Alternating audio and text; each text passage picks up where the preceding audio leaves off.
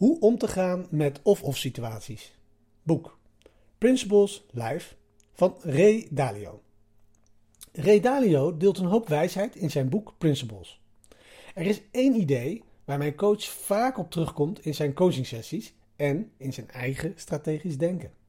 Het gaat ongeveer als volgt. Wanneer je voor een of-of beslissing staat, vertraag dan. Doe een stap achteruit en denk beter na over hoe je zoveel mogelijk van beide kunt krijgen.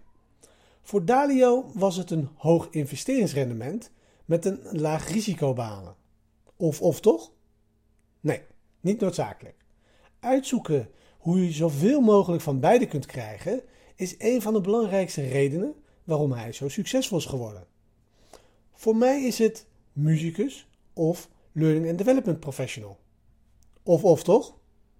Nee, niet noodzakelijk. Hoewel ik dat al wel heel lang heb gedacht. Maar uitzoeken hoe ik die twee het krachtig kan integreren, is op dit moment focus in mijn leven. Wat is het voor jij? Voor jou? Heb jij een of-of tweedeling in je leven? Vertraag. Schrijf het op een vel papier. Stap achteruit. En staar naar het raadsel. Denk wat harder na. Zoek uit hoe je zoveel mogelijk van beide kunt krijgen. Een filosofische waarschuwing. Het proces kan je hersenen een beetje pijn doen. Het diep nadenken doet dat vaak en daarom, zoals ze zeggen, doen zo weinig mensen het. In ieder geval nog niet. De opbrengst is enorm. Dus de microles van vandaag is: zet je telefoon voor 5 minuten uit en ga diep.